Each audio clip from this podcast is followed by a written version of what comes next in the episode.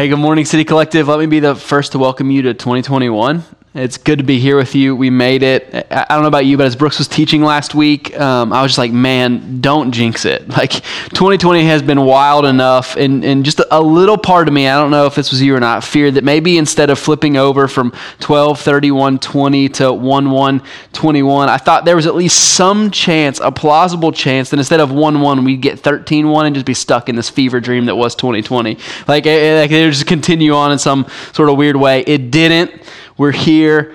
Let's go. Like, man, I'm excited to be here. So, last week, just like last week, uh, if you have a journal, grab it. If you have a pen, grab it. Grab your Bible. And today we're going to sit together and we're going to ask the Lord together what He is inviting us into in this new season as we mark the end of something as a family, as we mark the beginning of something new. Like, God, what do you have for us? What are you inviting us into? And I think it's at threshold moments like these uh, some would call them liminal spaces, these places where two sort of realities collide, where, where something ends and something else begins. And threshold moments like these, I think oftentimes we're able to perceive something differently, maybe more clearly even than in other moments in our life. Something that has always been there, but now in this space we can see it maybe just a little bit more clearly. And, and this is a new year but I do think the invitation of Jesus into deeper discipleship and into the more abundant life and into a greater sense of purpose, into transformation and discipleship, into holiness and integrity, They've always been on the table for us, and they're still on the table for us. But maybe in this moment, as we begin 2021, maybe God will give us the eyes to see and ears to hear in a different way, in a deeper way, as we begin a new year together. So, our text from last week is our text again this week, Ephesians chapter 4. If you have your Bibles, go ahead and open there. But starting in verse 17, this is uh, the word of the Lord, Ephesians chapter 4, verse 17. Paul to the church in Ephesus, he says, so I tell you this and insist on it in the Lord that you must no longer live as the Gentiles do in the futility of their thinking. And so Paul says, hey, like, you have to see this, you have to know this. I'm insisting that you understand this because it's fundamental for your life together. You cannot live as a people who don't know Jesus. Like, you know him, your life has been transformed by him, you've been saved by Jesus. Don't live as those who don't know him. He says that in your way of living and in your way of thinking in, the, in your way of perceiving, if you live as those who don't know Jesus, it is a, a way of living that is futile. That it brings about nothing but frustration and emptiness. We have to hear that this morning. That if we know Jesus but live as if we don't, it only brings about frustration. It is only empty and is not fulfilling. That's possible. He says, hey, stop. And so then he goes on in verse 18 and he says this about the people who live that way, about people who live as, as those who don't know the Lord. He says this They are darkened in their understanding, and they're separated from the life of God because of the ignorance that is in them due to the hardening of their hearts. They go, man, like Paul, ease up on us as we start 21, 21 together. Verse 19, having lost all sensitivity, they have given themselves over to sensuality so as to indulge in every kind of impurity, and they are full of greed. And I go, this is, as Brooks so um, put so well for us last week. This is a picture of what life looks like separated from God. And Paul is reminding the church in Ephesus that's not how you learn to live. Like, that's not the story that your lives have been caught up in. Stop living that way. And I love that because there's no magic to it, right? Like, as Brooks named last week, we were saved by grace in a moment. And from that moment, we begin to learn. Like, think about it. It's not just like imparted to us that we begin to learn the way of life of Jesus of Nazareth, that we learn it and we practice it and we try it and we fail at times and at others we succeed, but we give ourselves over to the path of discipleship. That God has given us the tools and that He has taught us the way. As all of you fans of The Mandalorian can, can, can appreciate, He has shown us the way. This is the way. But the reality is that at times, we must be reminded of it. And Paul sits down, he puts pen to paper, and he begins to remind the church in Ephesus, and I believe he begins to remind us this morning as we begin 2021 together that, that this is the picture of life that God has for us. In verse 20, he continues, right? We let it, read it last week, and we'll read it again this morning. That, however, that way of life, Paul says, is not the way of life you learned. When you heard about Christ and were taught him in accordance with the truth that is in Jesus, you were taught with regard to your former way of life to put off your old self which is being corrupted by its deceitful desires, to be made new in the attitude of your minds, and to put on the new self, created to be like God in true righteousness and holiness. He said, as followers of Jesus, as people who have been caught up in the story of God, as citizens of the kingdom of God, we were taught to put off our old selves.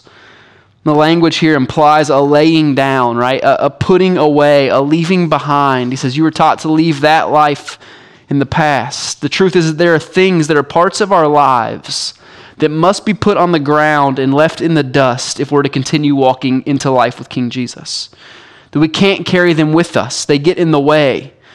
They are futile and they are empty, Paul would say. And that's what Brooks invited us into as we considered last week the things that, that Paul calls us to lay down. Like, so what are those things? And I would just remind you as you, as you journal this week, as you've thought about it, I just want to ask you again what are those habits? What are those addictions? What are those ways of thinking and of living? What are those grudges that you're holding on to? What are those desires that we allow to control us? What are those appetites that we are satisfying in corrupted ways? And Paul would say to you this morning, leave them behind. Like 2021 is a couple days old, but leave them behind. leave them behind. Take them off like a jacket that you were wearing when you got in the car because it was cold and you turned the heater on. With that sort of intentionality and integrity, take them off. Because if you don't, you feel like you will suffocate. Like that decisively, take them off, leave them. Like you would risk your life driving down the interstate to get the jacket off, right? Because it's too hot in your car. Take them off, leave them behind, Paul would say. With that sort of intentionality, you must lay those things down at the place and the path that we find ourselves so that we may continue walking with King Jesus. And then he says, I've read it already, but I'll read it again. Verse 23 to be made new in the attitude of your minds. Take them off so that you may be made new in the attitude of your minds and to put on the new self. We've been taught that the new self that is created to be like God in true righteousness and holiness.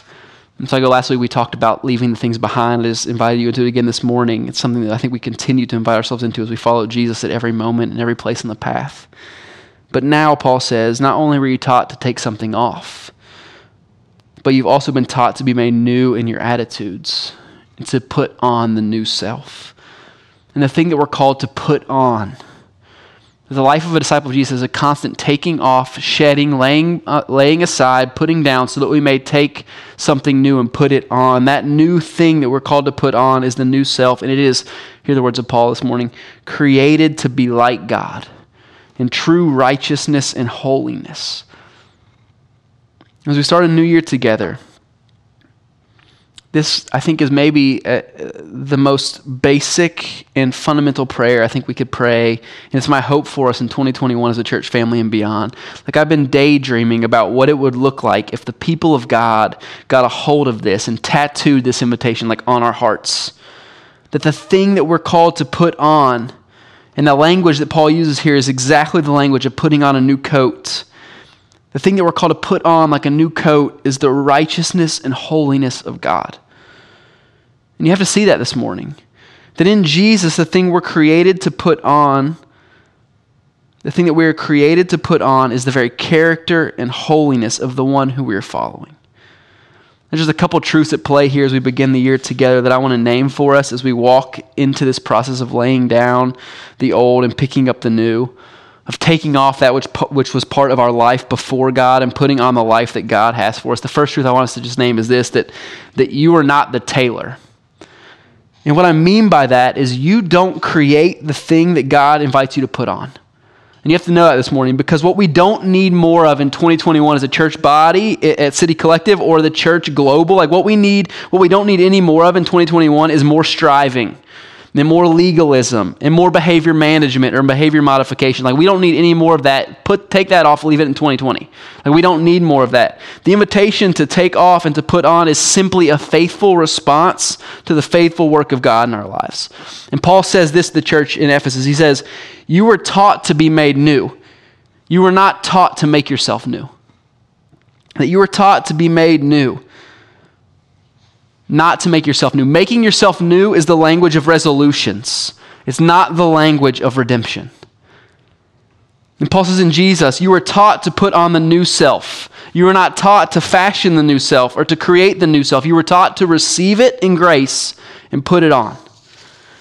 In essence, I think the invitation this morning is not to, is not to leave all that God wants to do in your life hanging in the closet to be admired The truth is, God has done something in your life and in my life, and He wants to do things in your life and our, in my life. He has worked, He has redeemed, He has restored, He has done all of it. But at the end of the day, we have to decide whether or not we're going to put it on. It's not something just to be hung in the closet and admired. It's not a garment to be looked at. It's a garment to be worn and to be lived in. And Paul names this reality earlier in Ephesians chapter 2. Um, in, in verse 8, when he, when he writes this, he says, Ephesians chapter 2, verse 8, starting verse 8, going through verse 10, he says this. He says, For it is by grace you have been saved through faith. It is by grace you have been saved through faith. And this is not from yourselves, like you're not the tailor. It is the gift of God not by works so that no one can boast for we are god's handiwork created in christ jesus to do good works which god prepared in advance for us to do and i go this is the, this is the, the grace of god it's not only are you called to put the new self on you are made new that you are the very handiwork of god that in putting the garment on you are the handiwork of god that he has done something in your life he says it's grace that saves you it's grace that creates the new self it's not you it's not me the new self, the new life that we are to put on in Christ is not a resolution to do better or to try harder. It's a gift to be received. Paul says no one gets to boast in a gift. Paul says in our new life in Christ, I didn't do anything, you didn't do anything. Like, the only thing that we do is get the gift, enjoy the gift, and use the gift to put it on. And then he says the thing that we are putting on is grace and it is gift, but it's not just something that we put on and wear, it's who we are in Christ. You see, the new self we are putting on is us. Authentically and truly, it's who we are in Christ. It's the truest thing about us. It's not just a gift to be used, it's an identity to be lived into. The second truth I think that I, I want us to name as we begin this journey together in 2021, as we continue to think about what we're taking off and putting on in Christ is that the truth is that we must avoid bringing our graveyard dead identities into resurrection life. That we can't bring our graveyard dead identities into resurrection life. And what I mean by this is what Paul said just a little bit before what we just read in Ephesians chapter 2. So I'm going to read it again, but starting just a little bit before that. Paul says this. Um, Ephesians, this is amazing. But he says, he says this. He says, As for you, you were dead in your transgressions and sins. I don't know how you want to start 2021, but me telling you that you were dead in your transgressions and sin, transgressions and sins may not have been it. It's not me, it's Paul. You were dead in your transgressions and sins, in which you used to live when you followed the ways of this world and of the ruler of the kingdom of the air, the spirit who is now at work in those who are disobedient. That's, that's like the taking off, right? When we lived that life. And then he says, all of us, all of us also lived among them at one time, gratifying the cravings of our flesh, those things that we're called to put off, as Brooks led us through last week, right? And following its desires and thoughts. Like the rest, we were by nature deserving of wrath, but because of his great love for us, God, who is rich in mercy, made us alive with Christ even when we were dead in transgressions. It is by grace you have been saved. And then he says this, and God raised us up with Christ and seated us with him in the heavenly realms in Christ Jesus, in order that in the coming ages he might show the incomparable riches of his grace expressed in his kindness to us in Christ Jesus. I didn't even plan on reading that, it's just so good I couldn't stop. The truth this morning is that before Jesus, before Jesus, you were, Brooks is going to make fun of me for saying this, but you were stone cold, like graveyard dead. Like dead. But now, in Jesus, you've been made alive even when you were dead. And I go, that's the power of God's grace in your life. I don't know if you know this or not, but a dead person can't do anything, like by definition. Nothing. That's what it means to be dead. But God has made you alive even when you were dead. It's the grace of God reaching into your life, turning that which has, is dead and broken into that which is now alive by the resurrection power of the Holy Spirit and set about the things of God. He's made you alive. And He's seated you, like done completely, like that. When the work is done, you sit down.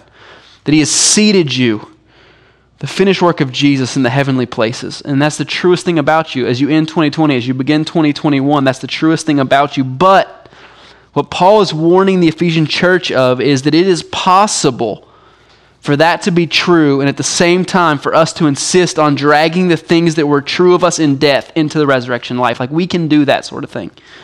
We can do it. And Paul says, don't.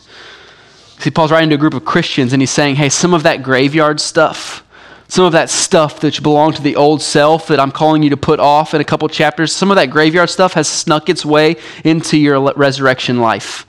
And it's snuck its way into your resurrection community. And frankly, it stinks. He says, Remember those things that defined you before Christ.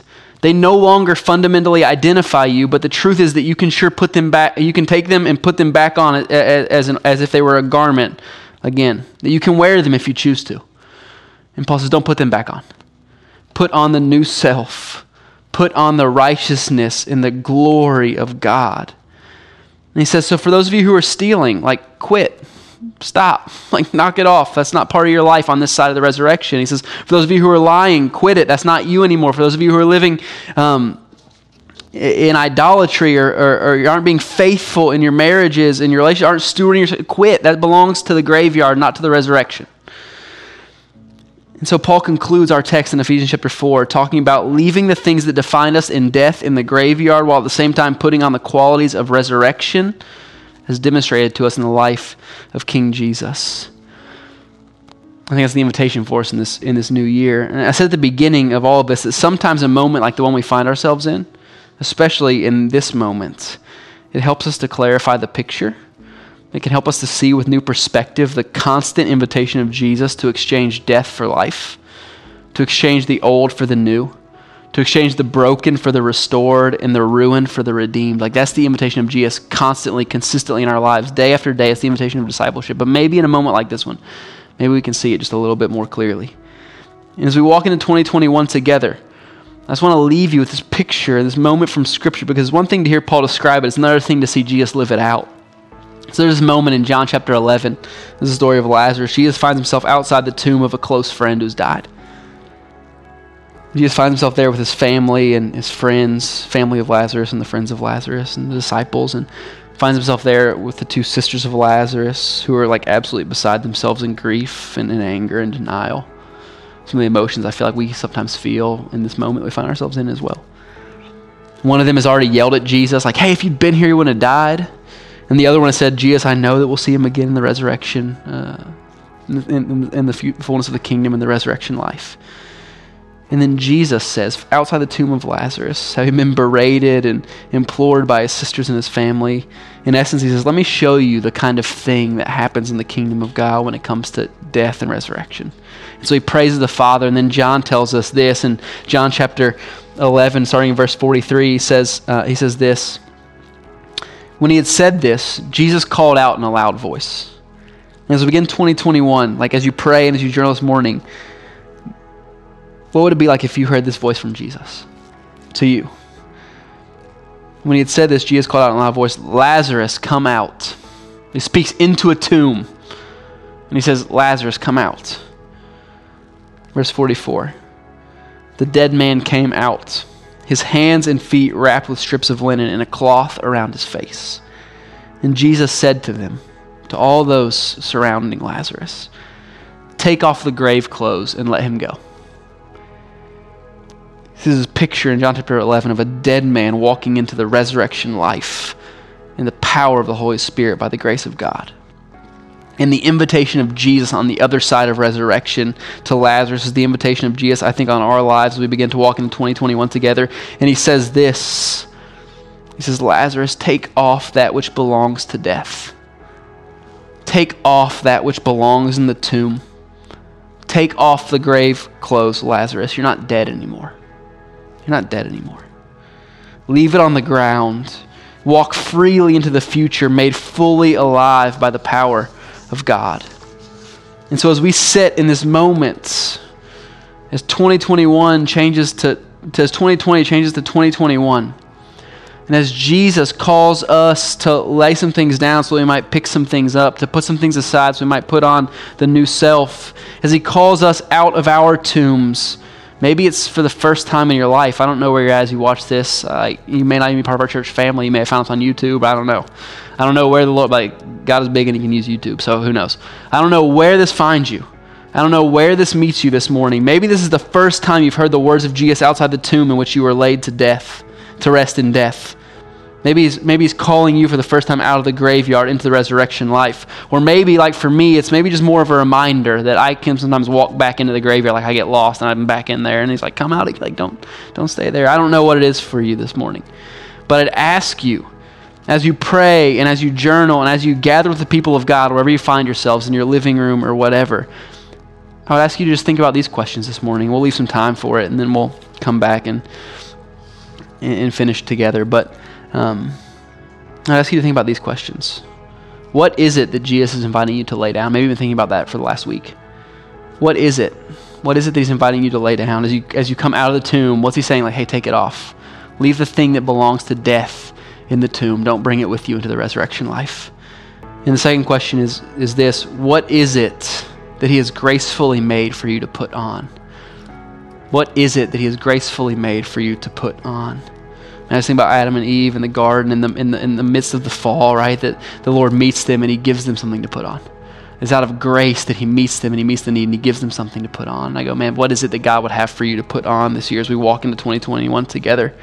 And, and, the invitation as we think in this moment and as we think over the next several days and weeks and months and year together, like, may those be the framing questions that we ask ourselves in every season of life as we pursue the kingdom of God together in discipleship. So take a few minutes think about that, and we'll come back uh, together and, and, uh, and be dismissed.